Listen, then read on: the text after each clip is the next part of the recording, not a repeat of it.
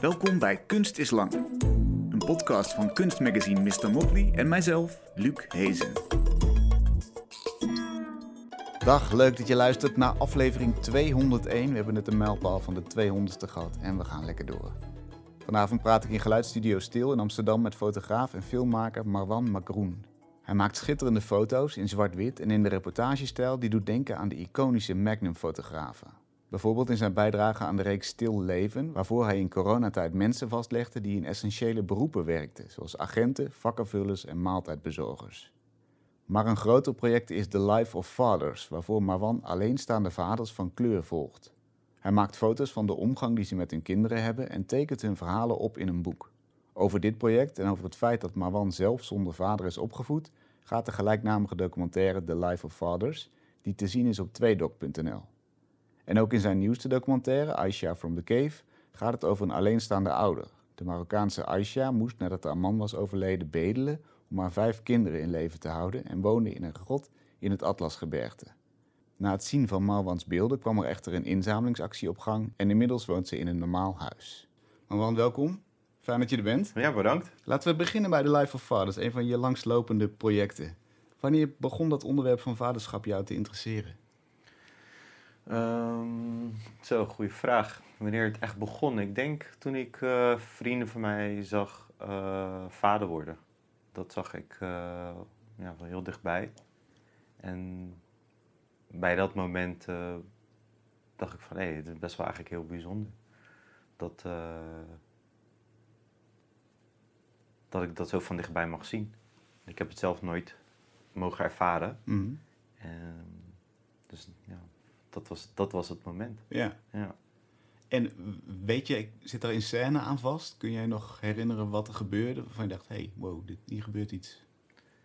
Ja, ik zag ehm, vrienden van mij door social media, maar ook gewoon fysiek. Uh, uh, de ene vader gaat met zijn, uh, met zijn kind naar een voetbalstadion. Die andere gaat voetballen. Die andere gaat samen mee naar de bioscoop. Of uh, uh, thuis zitten, muziek maken of zo. Dat, die momenten dacht ik van, hey, wauw, dat is echt heel erg bijzonder dat, uh, dat ik dat van dichtbij mag zien. Ja. Ja, zo mag ervaren. En des te bijzonderder omdat je inderdaad, je zei het net al zelf, zelf niet ervaren hebt. Ja. ik, ik durf dan aan te vragen omdat het in die documentaire zit, hè, die ik net noemde. Dus het is Anders zou ik misschien denken, het is misschien te privé, want het is best wel een ja, deel van jouw opvoeding en, en, en iets wat essentieel is voor jou als persoon, denk ik. Hoe is dat bij jou gegaan? Um, nou ja, mijn vader heeft uh, uh, volgens mij tot mijn zevende uh, een rol gespeeld in, in, in, in mijn leven en het leven van, van mijn broer en mijn zus. Um, maar zoals in de documentaire ben ik daar heel open over, omdat ik daar ook met mijn moeder daarover praat. Dus uh, ja, het is, het is geen black box meer of zo uh, op dit moment. En, mm. en naarmate ik er meer over ben gaan praten en ook in therapie ben gegaan, ook om, om, om dit deel ook gewoon beter te begrijpen van mezelf, is, het, ja, is het iets waar ik over kan praten, gelukkig. Ja. In de documentaire zit je met je moeder op het strand hebben jullie het erover in de branding. Mooie, mooie setting. Mm. En dan gaat het over wat, wat is er eigenlijk gebeurd. Nou, op een gegeven moment is hij weggegaan. Heeft je moeder het alleen gedaan. Klopt. Wat, ja, dat resoneert natuurlijk als je dan de foto's ziet van jouw vrienden die het wel hebben met hun, hun, hun zoon of dochter. Mm. Wat heb je het meest gemist? Um, ik denk als ik ga kijken naar toen ik jong was, dat ik begeleiding of sturing heel erg misschien wel nodig had. Ehm, mijn moeder die had, vier banen, dus die had heel weinig uh, inbreng in, in begeleiding. Uh, dus ja, ze was veel meer bezig met, uh, met overleven. Om voor te zorgen dat wij gewoon normaal konden, konden eten en naar school konden gaan. Um, maar dan merk je ook gewoon dat dat andere deel dus ook gewoon heel erg ontbreekt. Met gesprek, gesprekken met mijn moeder heeft ook al aangetoond dat dat mijn vader al eigenlijk niet zo heel erg een grote betrokkenheid had. Uh, in, ehm, dan alleen maar bij mijn broer en zus op jonge leeftijd wel heel erg doordrammen. Je moet naar school gaan, je moet dit en dat doen. Maar op een gegeven moment, ja, hij steeds meer afstand nam van, van het gezin. eh, waardoor hij geen eh, echte rol eh, vervulde. Maar als ik ga kijken in wat voor. Ja, ik, ik, ik was op jonge leeftijd. eh, had ik het talent, ik kon voetballen. Eh, maar ik, ik moest heel veel zelf ja, dingen ervaren. Of tenminste, naar de voetbalclub eh, of naar de voetbalclub toe gaan was al een hele grote eh, een drempel. Want het was, ja, je moest er met een tram naartoe. Eh, dus ik, ik ben heel, in heel veel onveilige setting, setting geweest. Terwijl ja, ja, op jonge leeftijd, op zo'n jonge leeftijd, dat het ja, dat voor mij heel erg nodig was om in een veilige setting op te groeien. Waardoor ik eh, ja, dus een, een, bepaalde veiligheid is, maar ook een eh, begeleiding vanuit, eh, vanuit, vanuit, vanuit ouders. Ja, dat heb ik wel erg gemist. Dus dat kan, kan in verschillende dingen zijn. Kan in liefde, kan in, in aandacht, kan in dat soort dingen zitten, denk ik. Gewoon de meest basale dingen. Ja, en, en dan valt het extra op dat andere mensen dat wel hebben. Of dan, dan weet je, hey, dit, dit had het kunnen zijn. Ja, zeker. Door dat te zien eh, zie je ook gewoon van, wauw, het kan ook zo. En het klinkt bijna kinderlijk gewoon zo van, oh ja, zo, het, zo kan het ook. Eh, maar zo moest ik het ook ondervinden van, als je mensen ziet die op jou lijken, op een gegeven moment eh, zo'n rol vervullen en denk van, wauw, zo kan het ook. Ehm, en toen dacht ik van, oh ja, dat is wel interessant eigenlijk. Dus ook, ook deels als zelfonderzoek bijna. Of, of hè, van- vanuit, in ieder geval vanuit je eigen fascinatie. Ja, ik ben heel erg gefascineerd eigenlijk hoe, dus hoe die vaders be- bewogen, of tenminste bewegen en hoe ze met hun kinderen omgaan. Dat was een ding, maar toen ik het op een gegeven moment ging vastleggen, dus dat was de grootste verwondering. En toen kwam het echt gewoon van, wauw, maar deze beelden zie ik niet terug in media, deze verhalen hoor ik niet terug in de media, Eh, in popcultuur worden vaak eh, mannen van kleur worden op een bepaalde manier geportretteerd. En die, ehm, maar dat zag ik niet terug in mijn vriendenkring. Namelijk, wat- hoe worden ze neergezet? Ja, als eh, een, vaders die niet betrokken zijn, niet willen, afwezig zijn, emotioneel afwezig zijn, et cetera, et cetera. En, eh, en dat kan best zo zijn, hè, dat er vaders zijn die, die, dat, die, dat, eh, die dat zijn. Ehm, ja, ik heb. Ik weet niet meer van wie deze quote eh, is. En misschien zou ik het nu ook gewoon heel, heel verkeerd, verkeerd zeggen. Maar ik geloof, ik geloof er ook in. En het, gaat zo. ehm, stereotyperingen zijn niet per se on, onwaar. Ze zijn incompleet. En ik geloof daar heel erg in. Dat misschien kan het zo zijn dat er op verschillende manieren vaderschap wordt, wordt ingevuld. Maar hoe ik dat zag, dat zag ik niet terug. En dus bij het terugkijken van de beelden dacht ik van wauw, dit, dit wil ik de wereld insturen. Dit, eh, en dat onderliggend, eigenlijk het onderliggend mechanisme wat ik zag voornamelijk was er is één, één manier om vaderschap in te vullen. En daar was ik het niet mee eens. Of daar ben ik het niet mee eens. Je kan het op verschillende manieren invullen. Net zoveel er vaders zijn. Ehm, Vertel eens een van die verhalen van de, de mensen die in het boek zitten en waarvan de foto's gemaakt zijn. Eentje die je raakt. ja. Nou, ik, eh, ik ben bezig met het ontwikkelen van een, van een boek van de Life of Fathers, waar eigenlijk alles eh, in zit, zoals eh, nieuwe interviews, maar ook een onderdeel van de filmdocumentaire, eh, de fotoseries, ehm, de, het onderdeel van Vaderdag, wat er ook een, eh, een rol heeft gespeeld in, als spin-off, waar ik honderd vaders heb gefotografeerd in één dag. In de Melkweg en in, in, in, in Rotterdam in, in Zuidplein. Mm. Een van, ja, het, het is heel moeilijk om één ding eruit te halen, maar als, omdat het gewoon. Het zijn allemaal losstaande verhalen die allemaal heel krachtig zijn. Maar als ik het heb over de filmdocumentaire Mhm. bijvoorbeeld, is er nog één ding wat mij echt gewoon heel erg fascineert. En dat is eh, de vader van Alison bijvoorbeeld. met zijn eh, zoontje uh, Ayani. De manier hoe hij soort van de vragen beantwoordt. En de stilte en de rust die hij gebruikt. is gewoon, en daar dan woorden uitkomen en bijna profetisch, of tenminste gewoon profetisch voor mij klinken. Ja, dat, dat, dat is zo bijzonder. Dat is zo bijzonder. Omschrijf ze eens samen. Hoe, hoe, hoe doen ze het en wat, wat zegt hij voor dingen? Nou ja, ik vraag op een gegeven moment aan Addison... Uh, wat betekent vaderschap voor jou? En hij neemt bijna volgens mij... Ik heb het niet geteld, maar ik denk ergens tussen de 15 en 20 seconden neemt hij de tijd om daarover na te denken. En dan op een gegeven moment zegt: Een zieltje begeleiden naar zijn grootheid. En ik denk: wow. Ja.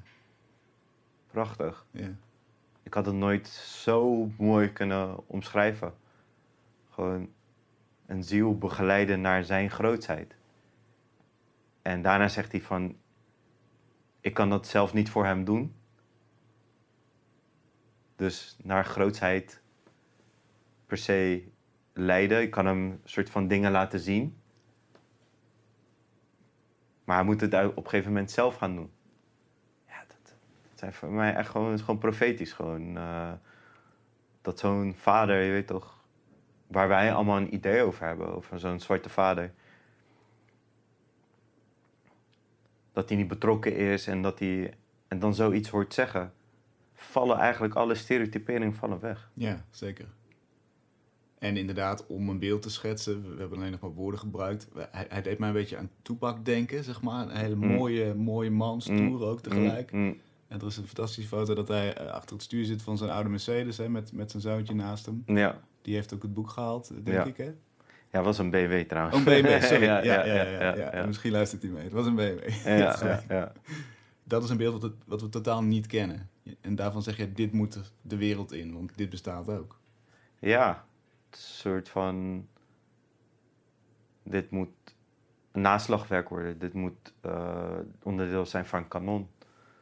Uh, dit moet een onderdeel zijn van geschiedenis. Dit moet onderdeel zijn van onze collectief geheugen. Een beeld wat, wat voor ons altijd moet, soort van, als we denken aan mensen, hopen, hopelijk zijn het beelden waar, waar we aan onszelf kunnen, kunnen optrekken.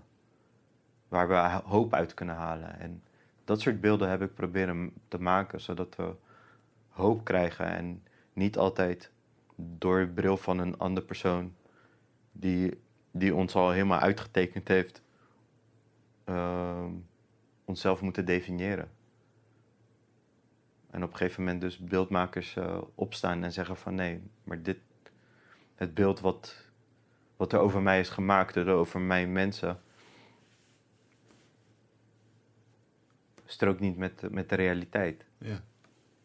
Of is een idee van iemand.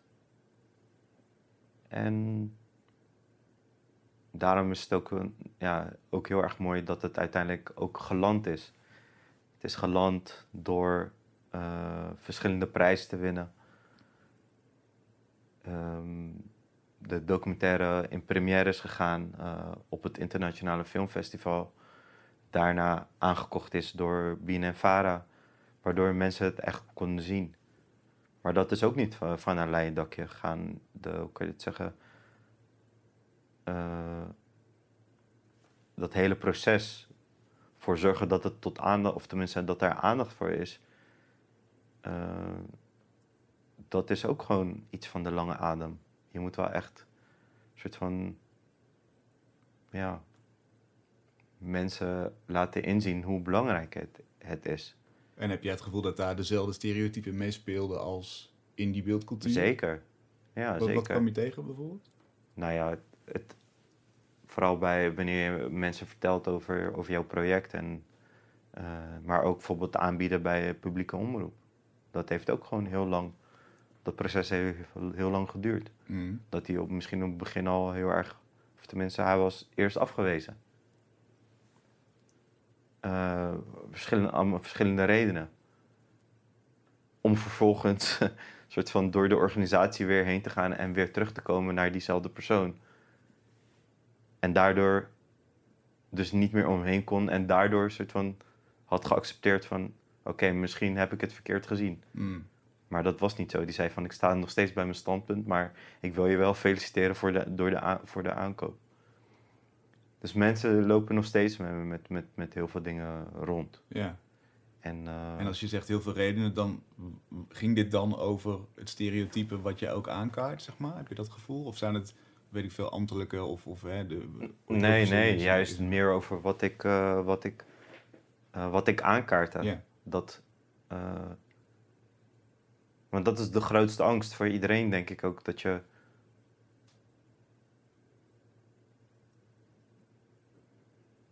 Dat, dat je iets wat je aan het bevechten bent, eh, in hand werkt.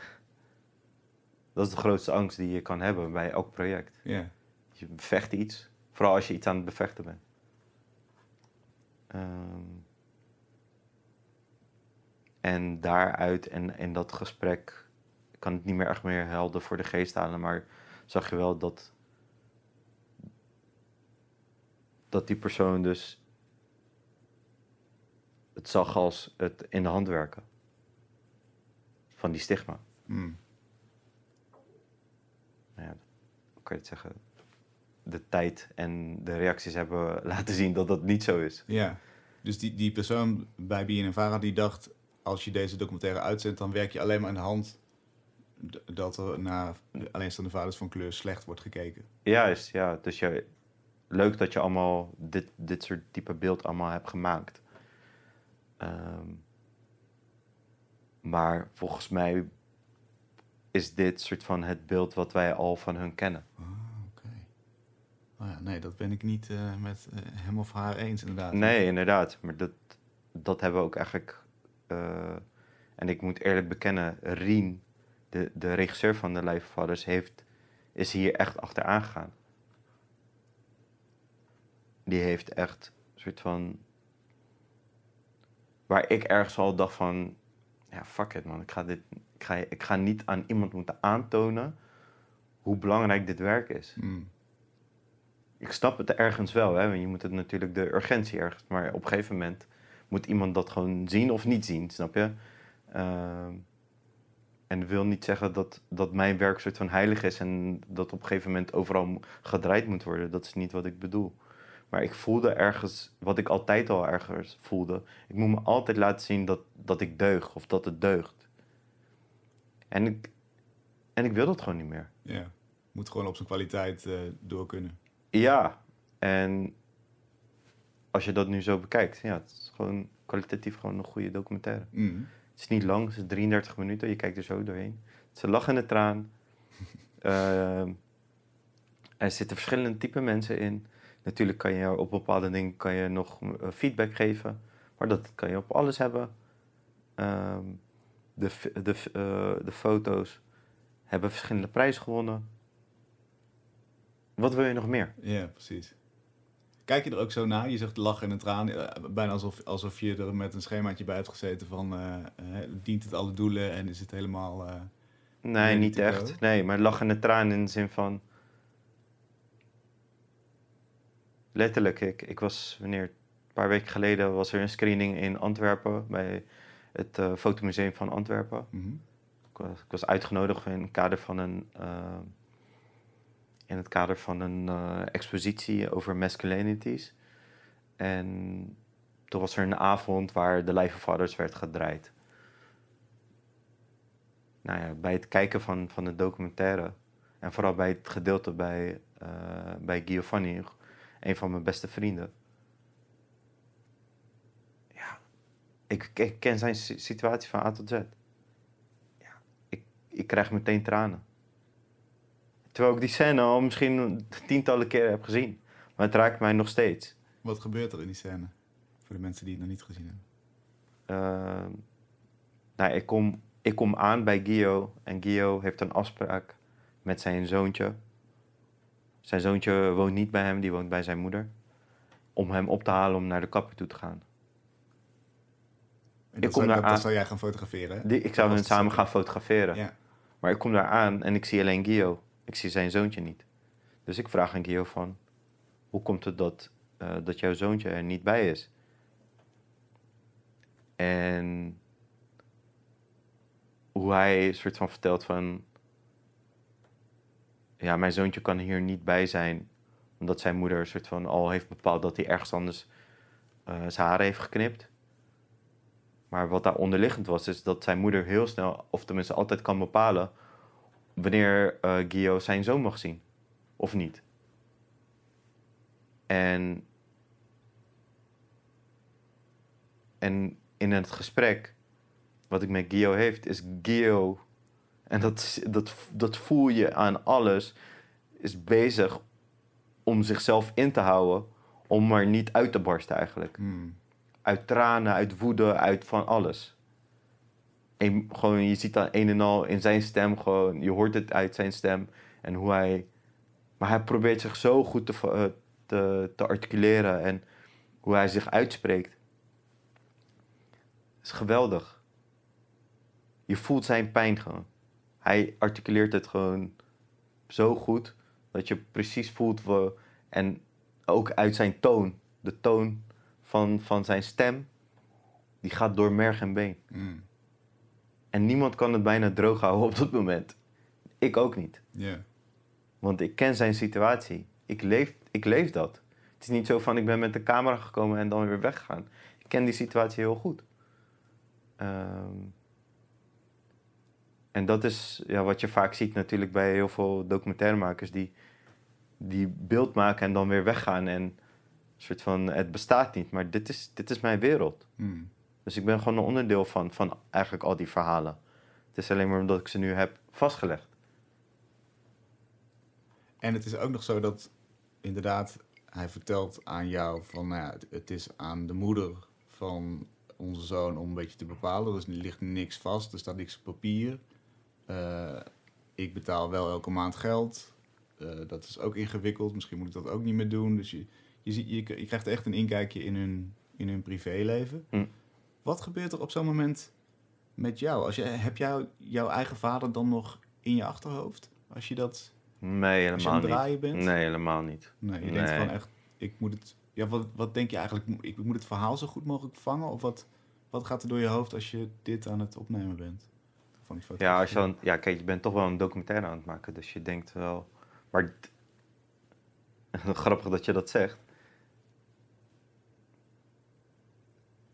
Deze inslag in qua hoe deze documentaire deze kant op is gegaan, wisten wij ook niet. Wij dachten dat we eigenlijk gewoon Jairo, eh, dus zijn zoontje, samen met, met, met Gio zouden zien Ja, en gaan fotograferen. Maar toen, toen hij me belde, dat hij zei van, nou mijn zoontje die komt niet, want dit en dit en dit en dit. Was mijn eerste idee dus eigenlijk niet om hem meteen te gaan interviewen. Gio zei tegen mij, ik wil, kom naar mij toe, dan, dan hebben we het erover. Maar zelfs toen hij aan de telefoon was met mij,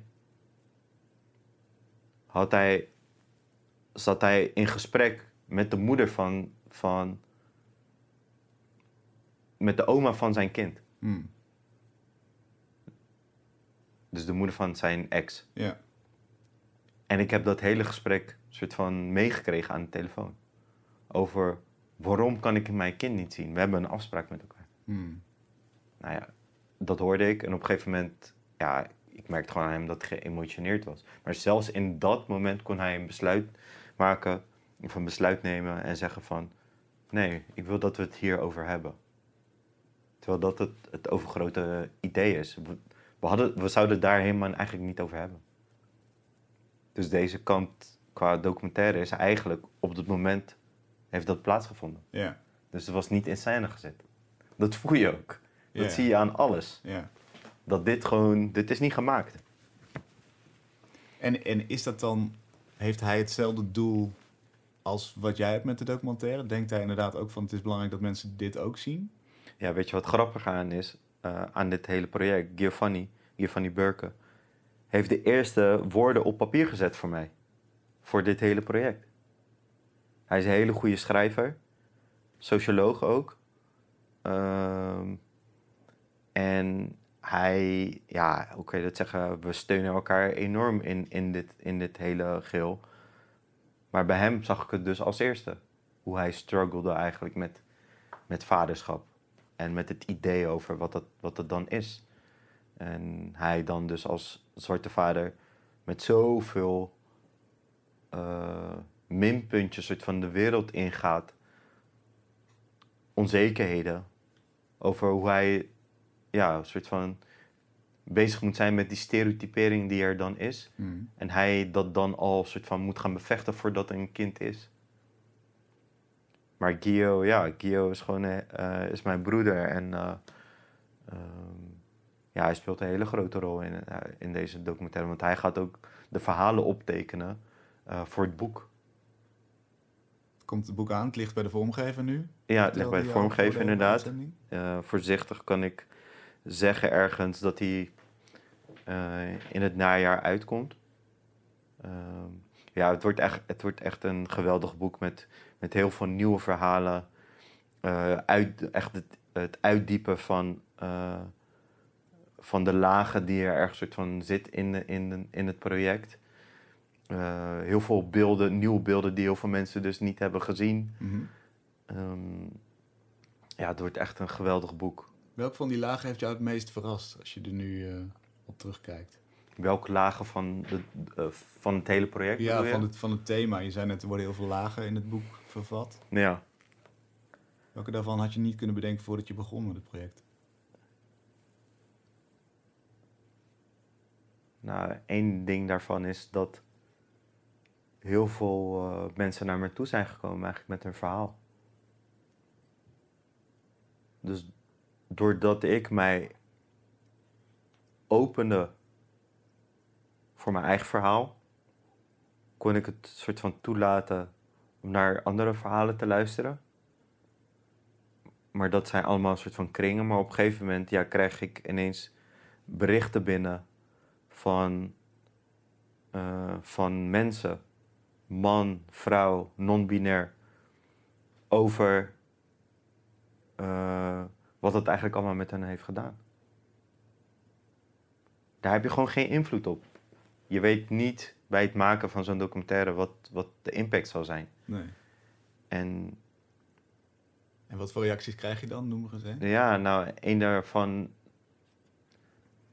Ik kan er wel een paar benoemen, maar één daarvan was is dat een persoon die ik, die ik ken al jaren, niet mijn beste vriend of zo per se, maar iemand die ik echt gewoon heel lang ken, vertelde over van.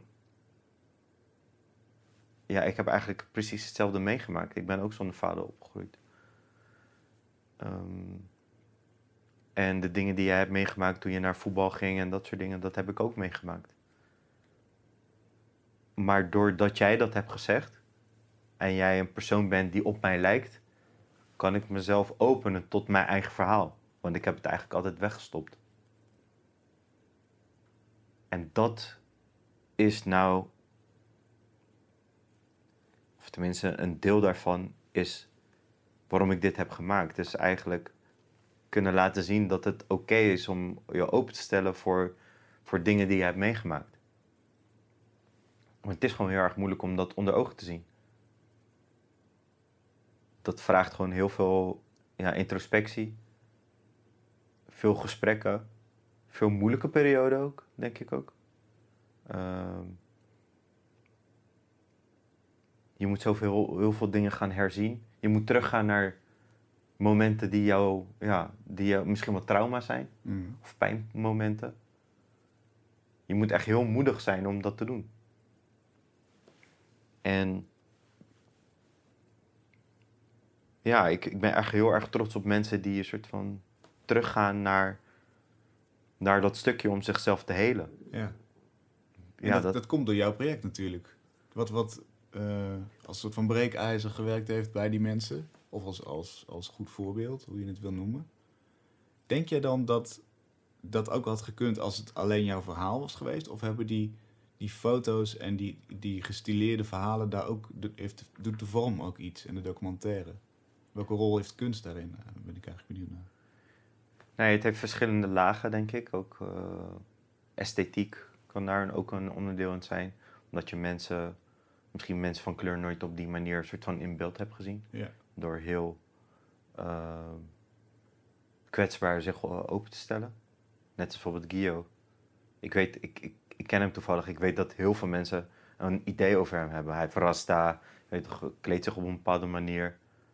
Eh, een zwarte man, Surinaams. Ehm, ja, ik ken hem al, ik ben met hem opgegroeid, dus ik ken hem echt heel lang al. Ehm, dat hij, mensen allemaal een idee over eh, hem hebben. Terwijl deze man gewoon een, master in sociologie heeft. Eh, super intelligent, eh, leest veel, ehm, weet, is heel goed op de hoogte van dingen. is een hele goede schrijver. Schrijft voor verschillende platformen in, in, in, in Rotterdam en daarbuiten. Maar dat, mensen zien dat niet van de buitenkant. Die zien gewoon zijn kleur, zijn haar en dat was het. En eh, door alleen maar zijn mond open te trekken over dat het wat met hem doet, dat, dat zijn zoontje er niet is, en hoe hij dat zegt, vallen zoveel dingen weg. En dat hoor ik ook van heel veel mensen die zeggen, en dat is weer het andere gedeelte van de reacties die ik krijg. Jouw documentaire heeft mij echt anders naar bepaalde mensen eh, doen kijken. Dat, dat ze een bericht sturen van, het klinkt heel stom om dit te zeggen, maar ik, ik had ook een idee over, over eh, mensen van kleur. Dat ze niet betrokken zijn, et cetera, et cetera. En ik weet, door nu door, de, door, de, door het zien van de documentaire en door de foto's, dat er ook een ander beeld is en dat, er, dat ik ben geprogrammeerd. Ja. En de vorm die jij kiest, de, de, de kadrering, hoe dichtbij je komt, wanneer je afdrukt, hè, welke beelden je selecteert, die vorm die bepaalt, ja, die, die is per definitie die andere blik. Daar stuur je op ook. Ja, inderdaad. Want eh, vooraf, hoe, bij, bij het onderzoeken van hoe ga je mensen in beeld brengen, ga je ook natuurlijk nadenken van hoe doe je dat het beste. Hm. Betrapte je jezelf ook nog op een soort van stereotype beeld helemaal aan het begin? Dat je dacht, oh ja, dit is, dit is hoe we het normaal doen? Ja, nee, maar ik ken dat beeld. Ik, Ja. ik, ik ken al die beelden. eh, waar ik me altijd heb tegen, tegen heb afgezet. Hm. En, en bij het maken van die beelden weet je ook dat sommige dingen gewoon, eh, sommige foto's gewoon een bepaalde ingrediënten moeten hebben. Zoals? En dat is gewoon betrokkenheid, eerlijkheid, respect, eh, vrijheid, eh, emancipatie. Ehm,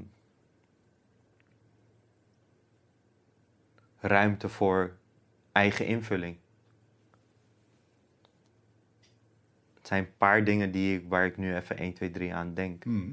Wat gewoon nog een. En ik wil niet zeggen dat het voor iedereen zo is, maar voor mij is dat heel erg belangrijk.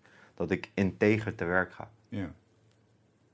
En ik kan je niet vertellen over hoe ik te werk ben gegaan. Dat is gewoon mijn. Je het zeggen? Is dat intuïtie? Als je, Dat is mijn bent? intuïtie inderdaad. Maar ik weet dat mijn kompas goed afgesteld is. Waarom? Omdat ik de geleefde eh, ervaring heb. Ik weet hoe het is om geframed te worden op een, in een situatie eh, zonder dat je daar invloed op hebt. En bij het maken van die beelden probeer je zo dicht mogelijk te komen. Omdat, en ik ben geen outsider. I'm een insider. Ik kom op plekken. Ik, ik ga al sinds ik jong ben met mensen om die op mij lijken of eh, in, in hetzelfde schu- schuitje zitten. En daar heb ik, daar heb ik me eigenlijk altijd mee, eh, met, eh, samen mee opgetrokken. Dus het is niet zo van ik heb nu een camera in de hand en ik ga zomaar mensen fotograferen. Ja, voor een week of twee, omdat je een projectje hebt. Nee, dat is het niet. Nee, is, dat- is jouw blik op vaderschap nog veranderd door dit project? Ja, tuurlijk. Het was een onderzoek. Hmm. Het was een onderzoek. Waar sta je nu ten aanzien van hoe je begon? ja, goede vraag. Waar sta ik nu? Ja, waar ik nu sta is dat ik. eh,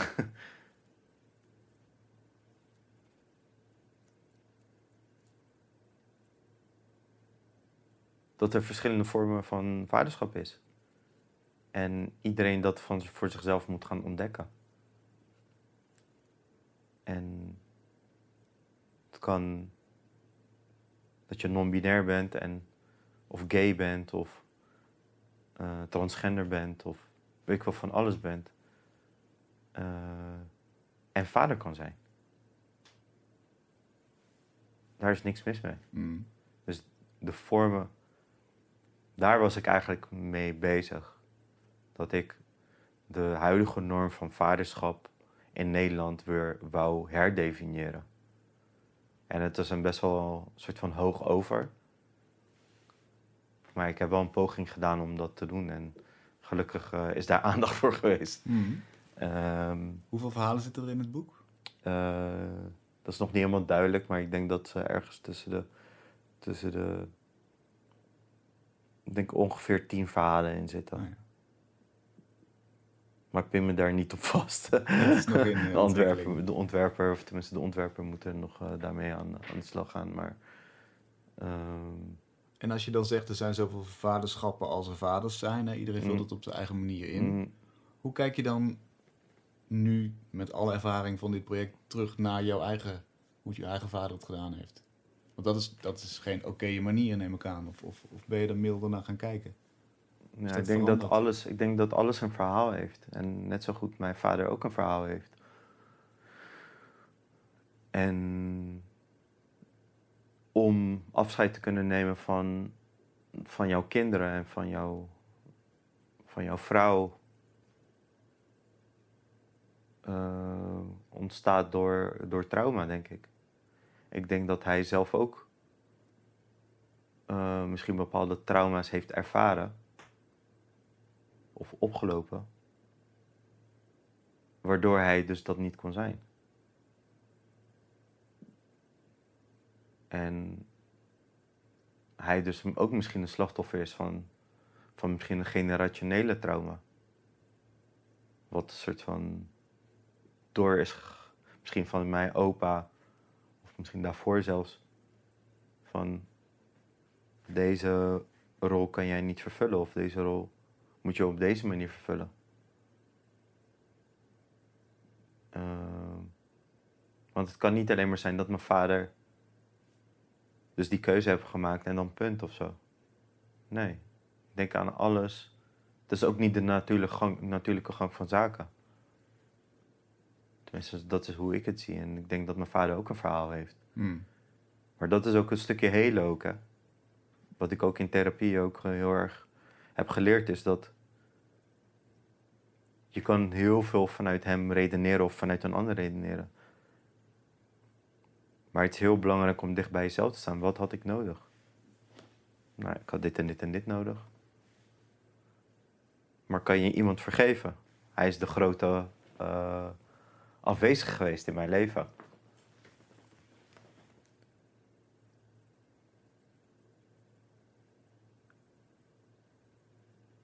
ja, ik kan niet soort van accepteren. Vooral ik een persoon ben die niet heel erg denkt aan zwart-wit, maar heel erg aan grijze gebieden, gebieden veel interessanter vind. eh, en overal de nuancering in te vinden. Dat ik ook zie gewoon van, nou, mijn vader heeft ook een verhaal.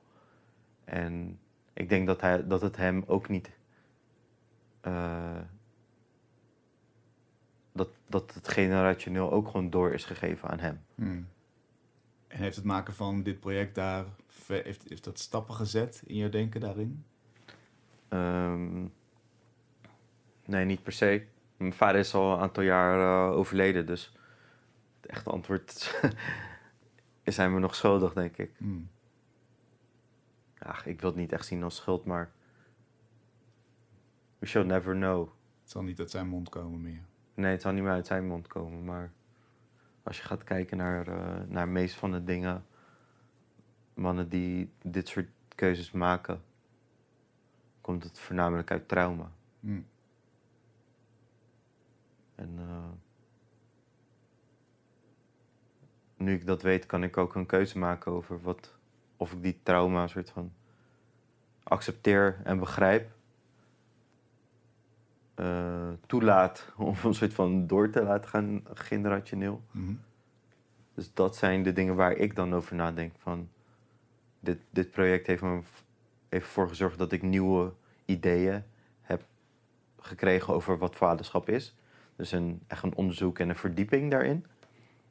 Maar het persoonlijk, naar, dus naar een persoonlijk niveau is het zo van.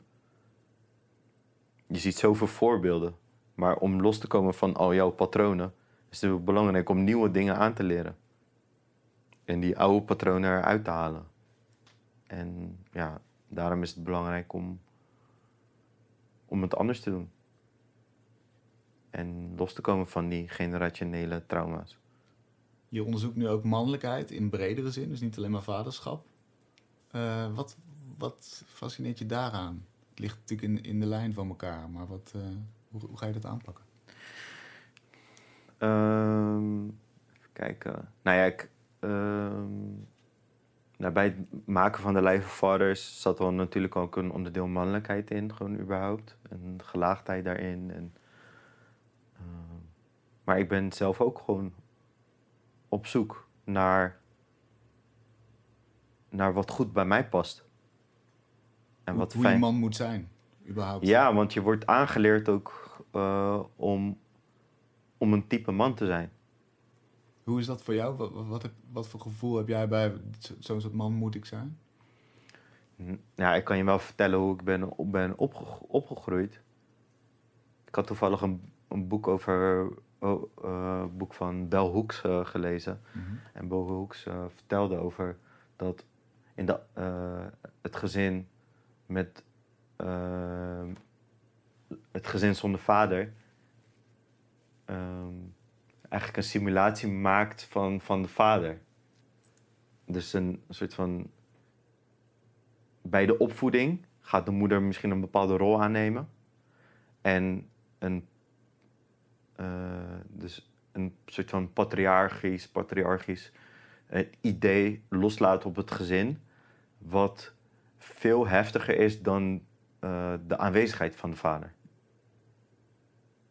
Ter compensatie. Ter compensatie inderdaad. Ja, overcompensatie eigenlijk. Ehm, waardoor ik dus heel erg naar mijn omgeving ben gaan kijken van op jonge leeftijd wat dat dan was. Wat ik merkte was, waren het voornamelijk mannen die ik omschrijf als macho mannen. Moeten goed gekleed zijn, moeten verschillende vrouwen hebben, moeten veel geld hebben. Die gaan gokken, die gaan uit, die eh, eh, vertellen over wat ze eigenlijk allemaal hebben gedaan en eh, een beetje een bad boy moeten zijn. Mhm. En op jonge leeftijd raak je een soort van beïnvloed door dat idee, waardoor je dat eh, internaliseert. Maar ik kan me wel nog heel goed herinneren dat dat. dat ik me daar niet altijd soort van fijn bij voelde. Ehm, maar ik zag bij mijn broer en die ging er wel helemaal, eh, toch helemaal in mee. Ehm, en los daarvan, soort van jouw eigen gezin, is het ook dat ik, of tenminste iedereen, opgroeit in een, een, een patriarchale samenleving.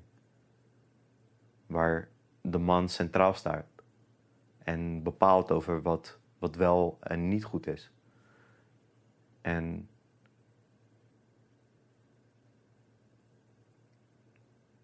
dat bij het ontwikkelen van je eigen identiteit ga je kijken van, nou ja, wat past goed bij, bij jou? Je komt niet over als een, als een macho man nu. Nee, ja. Ik, ja. ik weet niet wat voor man ik ben eigenlijk. Ik, ik, uh, ik, uh, ik ben dat nog heel erg aan het, uh, aan het ondervinden. Ook weer op dezelfde manier door, door anderen te portretteren, door te kijken hoe doen zij het te bestuderen eigenlijk en te kijken, dit, past dit mij of past dit mij niet? Um, ik denk dat we gebrek hebben aan alternatieven, denk ik. En net zo goed wat ik zei over vaderschap, uh, over dat er bij vaderschap zoveel verschillende types zijn, zal, uh, net zoals vaders zijn, is dat precies, precies hetzelfde als bij een man zijn. Ja. Je kan het op ja, oneindig manier uh, invullen. Maar de samenleving is op een bepaalde manier ingericht, waardoor je een soort van in een mal, door een mal wordt, of in een mal wordt gegoten, waar dus mannen niet, mogen, uh, niet gevoelig mogen zijn, niet over hun emotie mogen praten, niet mogen huilen, um, centraal moeten staan in situaties, meer privileges hebben, et cetera, et cetera. En er zijn door gesprekken merk ik ook dat heel veel mannen dus helemaal niet fijn vinden om in zo'n keurslijf uh, gegoten te worden. Waarom? Omdat het ook niet fijn is voor hunzelf. Mannen lijden ja, gewoon vaak aan dit soort mentale problemen omdat zij gewoon te veel druk ervaren. Uh, mannen die het meeste zelfmoord plegen die het meest in de gevangenissen zitten, eigenlijk allemaal dit soort dingen ervaren. Maar ik wil zelfs nog dieper gaan eigenlijk in, in, dit, in dit opzicht. Want ik zal even vertellen hoe, hoe dat is gegaan. Ik uh, zit sinds een maand of twee zit ik bij uh, Halal Amsterdam. Dat is mijn agentschap. En bij, bij de introductie had ik een gesprek met Olivia en Gijs uh, Detemeijer uh, over wat zou je graag willen maken, wat zou je graag willen doen. Nou, ik zei van, ik ben bezig met het thema mannelijkheid en ik zie dat daar heel veel uitdagingen zit. En volgens mij na twee of drie weken kreeg ik een, een, een belletje van, van Olivia, zo van, uh, zou je een documentaire hierover willen maken? En bij, het, bij, de, bij de research, research eigenlijk waar ik nu in zit, ben ik uh, achter bepaalde dingen gekomen. Vooral door het lezen van, uh, van verschillende boeken, maar ook heel veel gesprekken. Um, kom ik erachter dat er, en voornamelijk ook wat ik zelf ervaar als een man van kleur in deze samenleving, wordt er iets van mij gevraagd uh, om uh, ruimte af te staan. Terwijl ik zelf ook bezig ben met, het ruimte, met ruimte innemen in deze samenleving, omdat ik een minderheid ben. En die spanningsveld, dus spanningsveld tussen ruimte innemen en ruimte afstaan, begint er ineens een heel raar spel te ontstaan dat als jij een onderdeel bent in deze samenleving, als man van kleur, zie je dus dat. Um, nou, laat me het anders stellen. Joris Luijendijk met het boek uh, Zeven Vinkjes. Mm. Wisten we op een gegeven moment, of tenminste witte mannen op een gegeven moment, dat waar zij stonden, of waar zij staan, op Ja, basis van hun privileges. Hij somt de privileges op, hè? Die Juist, man- inderdaad, juist. Hij somt ze op. Ja. ja. Maar wanneer we het hebben over de man van kleur, die zal ongetwijfeld privileges hebben. Maar die zal, die zal, die privileges staan in een hele andere context en een hele andere samenleving of samenstelling. Waardoor je niet echt weet van waar, waar zijn verantwoordelijkheden, eh, veran- verantwoordelijkheden liggen. Ja. En heel onduidelijk wordt. Maar wel wordt aangesproken van, hé, maar jij bent man, spreek je uit. Doe dit, doe dat. En ik merk aan heel veel mannen die dat, eh, ja, die dat gewoon heel erg lastig vinden. Hmm. Om En- positie te, te nemen. Ja. En dan gaat het dus ook eigenlijk weer om representatie. Je, je, je, hebt geen, je hebt geen voorbeeld, je hebt geen Luijendijk die een boek schrijft en overal op tv is en zegt, zo voelt het voor mij. Inderdaad, Waar je je inderdaad. toe kan verhouden. Precies, precies.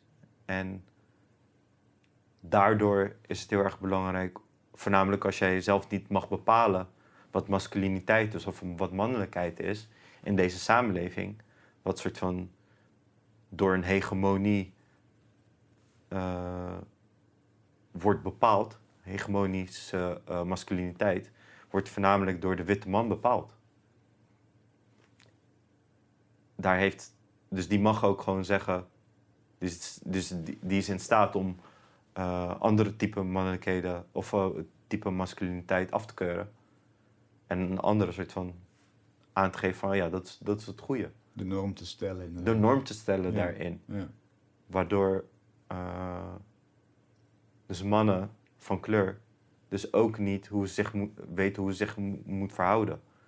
Heel veel van dat soort type, eh, van heel veel mannelijkheid, of tenminste masculiniteit, komt eh, door de context waarin ze leven. Als onder, eh, onderdrukt worden. Maar tegelijkertijd zijn het ook weer mannen in die patriarchaat die andere vrouwen onderdrukken. Hmm. Dus je hebt een hele rare oppressor, oppressed persoon. eh, die een hele rare verhouding heeft in deze, in deze samenleving. En ik heb, nog niet, ik heb nog geen antwoorden. Maar ik zou wel graag met mannen in gesprek willen gaan over wat er nou eigenlijk met hen gebeurt. Ehm, het is een hele spannende, spannende thema ook, merk ik Hmm. dat het voor mannen heel erg lastig is om. Dus als ik erover heb, gaan we uren over door. Ik bespreek dit met vrouwen en denk van wow, dit is wel echt super interessant. Want je be- benoemt hier even het spelveld. eh, speelveld. Ja. Sorry, spelveld. Speel, speelveld. Ja. eh, dat die niet eigenlijk helemaal gelijk is. Ja. En bij het, bij het maken van dit ben ik al gelijk bezig van... Ik moet spe- sweet spot raken. Ik wil mannen dus niet bijvoorbeeld als slachtoffer maken. Mhm. Maar ik wil ze ook niet bijvoorbeeld al een dader maken. Ehm, en ja, dat, dat is nogal heel erg ingewikkeld. Want ja, ze zijn slachtoffer van het patriarchaat. Die hun vertelt dat zij geen emoties mogen tonen. Dat zij zo en zo moeten. Maar ook gewoon binnen de samenleving ook een rol spelen als minderheid in deze samenleving Hmm. maar tegelijkertijd ook een rol moeten vervullen als man richting vrouwen en dat dus ja, vrouwen weer beperken daarin. Over hoe zij moeten, moeten zijn. Maar dat komt door, alleen maar door het idee over wat ze is aangeleerd, maar misschien ook door schaarsheid. Omdat je jezelf moet invechten in deze samenleving, wat Mark Rutte ons heeft verteld, Hmm. dat liberale gedachtegoed. Ehm, Je best doen om, mee te doen. ja, je best doen om mee wel. te doen, inderdaad. Mhm. Waar je jezelf moet gaan invechten. Maar nu is er ook zo voor een, een stem van... Ja, maar ik, ik, wil ook, ik wil ook gezien worden. En, en dat is ook heel erg belangrijk trouwens. Om daar gewoon naar, naar te luisteren. Maar voor hoe verhoudt zich dat? Daar, eh, ja, tot wat verhoudt zich dat? Ja. dat en, is, en aan al die vlakken van het speelveld is het eigenlijk niet goed. Er, er moet iets veranderen. Althans, dat zegt de buitenwereld. Ja, ik denk dat er een soort van een disconnectie is on- ontstaan, denk ik, tussen man en vrouw. Ehm, en die disconnectie uit zich in bijvoorbeeld eh, ehm, geweld tegenover vrouwen. Die disconnectie uit zich dat vrouwen worden ontmenselijkt, waardoor ehm, geweld tegen hun gebruikt kan worden. Het is gewoon hetzelfde mechanisme als je bijvoorbeeld in oorlog ziet. Mm. is er eerst een hele grote propaganda over, over wie de ander is. Om hem of haar volledig te ontmenselijken. En dan, dan pas kan je overgaan naar, eigenlijk naar fysieke geweld. En dat zie je dus ook bij vrouwen nu. Dat mannen dat, dat, dat gewoon soms kunnen goed praten. Dat ze dat. En dat is gewoon Heb je daar een voorbeeld van? Hoe, hoe, hoe werkt dat? Nou ja, het, het, het idee over hoe, hoe wij eh, naar vrouwen kijken is dat zij. Ze mag, niet, ze mag niet seksueel zijn. Ze moet luisteren. Een vrouw, eh, nou, wat wel ook altijd, eh, altijd wordt gezegd, haar rol is eh, een rol in de keuken. Vrouwen moeten na geboorte gewoon goed voor de, eh, zelf voor de kinderen gaan zorgen. Allemaal ideeën wat wij als man hebben bepaald over wat de vrouw moet zijn. Mm.